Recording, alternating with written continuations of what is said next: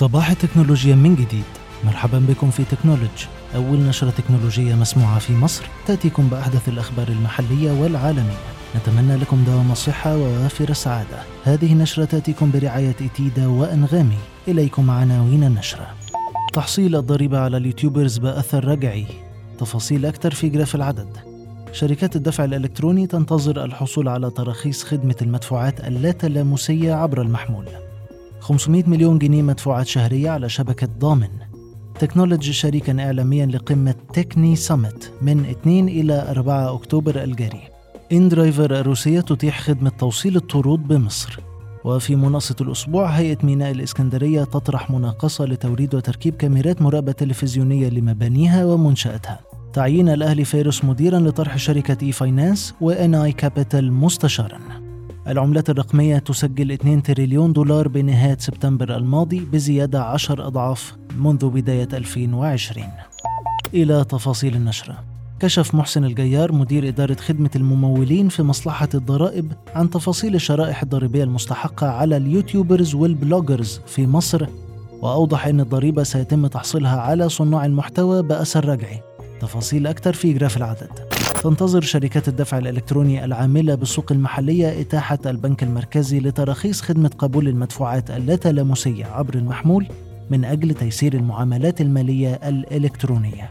تامر الحسيني الرئيس التنفيذي لشركة ضامن للمدفوعات الإلكترونية قال إنها بتحقق شهريا ما بين 450 إلى 500 مليون جنيه مدفوعات على شبكتها وحوالي 500 ألف عملية يومياً.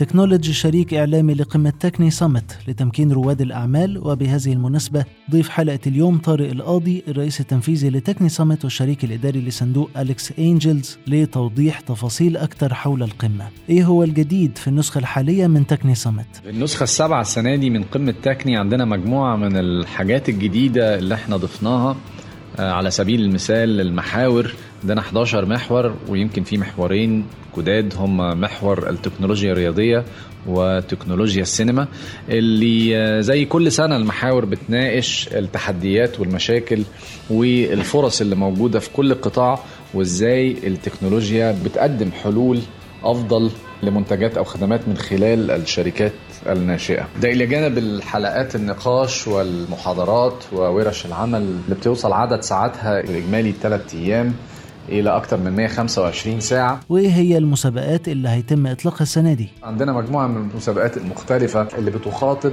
مراحل مختلفة للشركات الناشئة من أول الفكرة.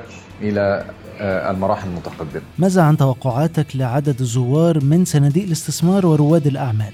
يمكن هيزيد عن 20 ألف زائر على مدار الثلاث أيام. مع الأخذ في الاعتبار إن إحنا واخدين كل احتياطاتنا الوقائية الخاصة بفيروس كورونا المستجد. ويمكن عندنا السنة دي مجموعة من الناس أو مجموعة من المتحدثين والحاضرين اللي جايين من بلاد مختلفة ومستثمرين جايين من بلاد مختلفة سواء كانوا من أوروبا أو منطقة الشرق الأوسط.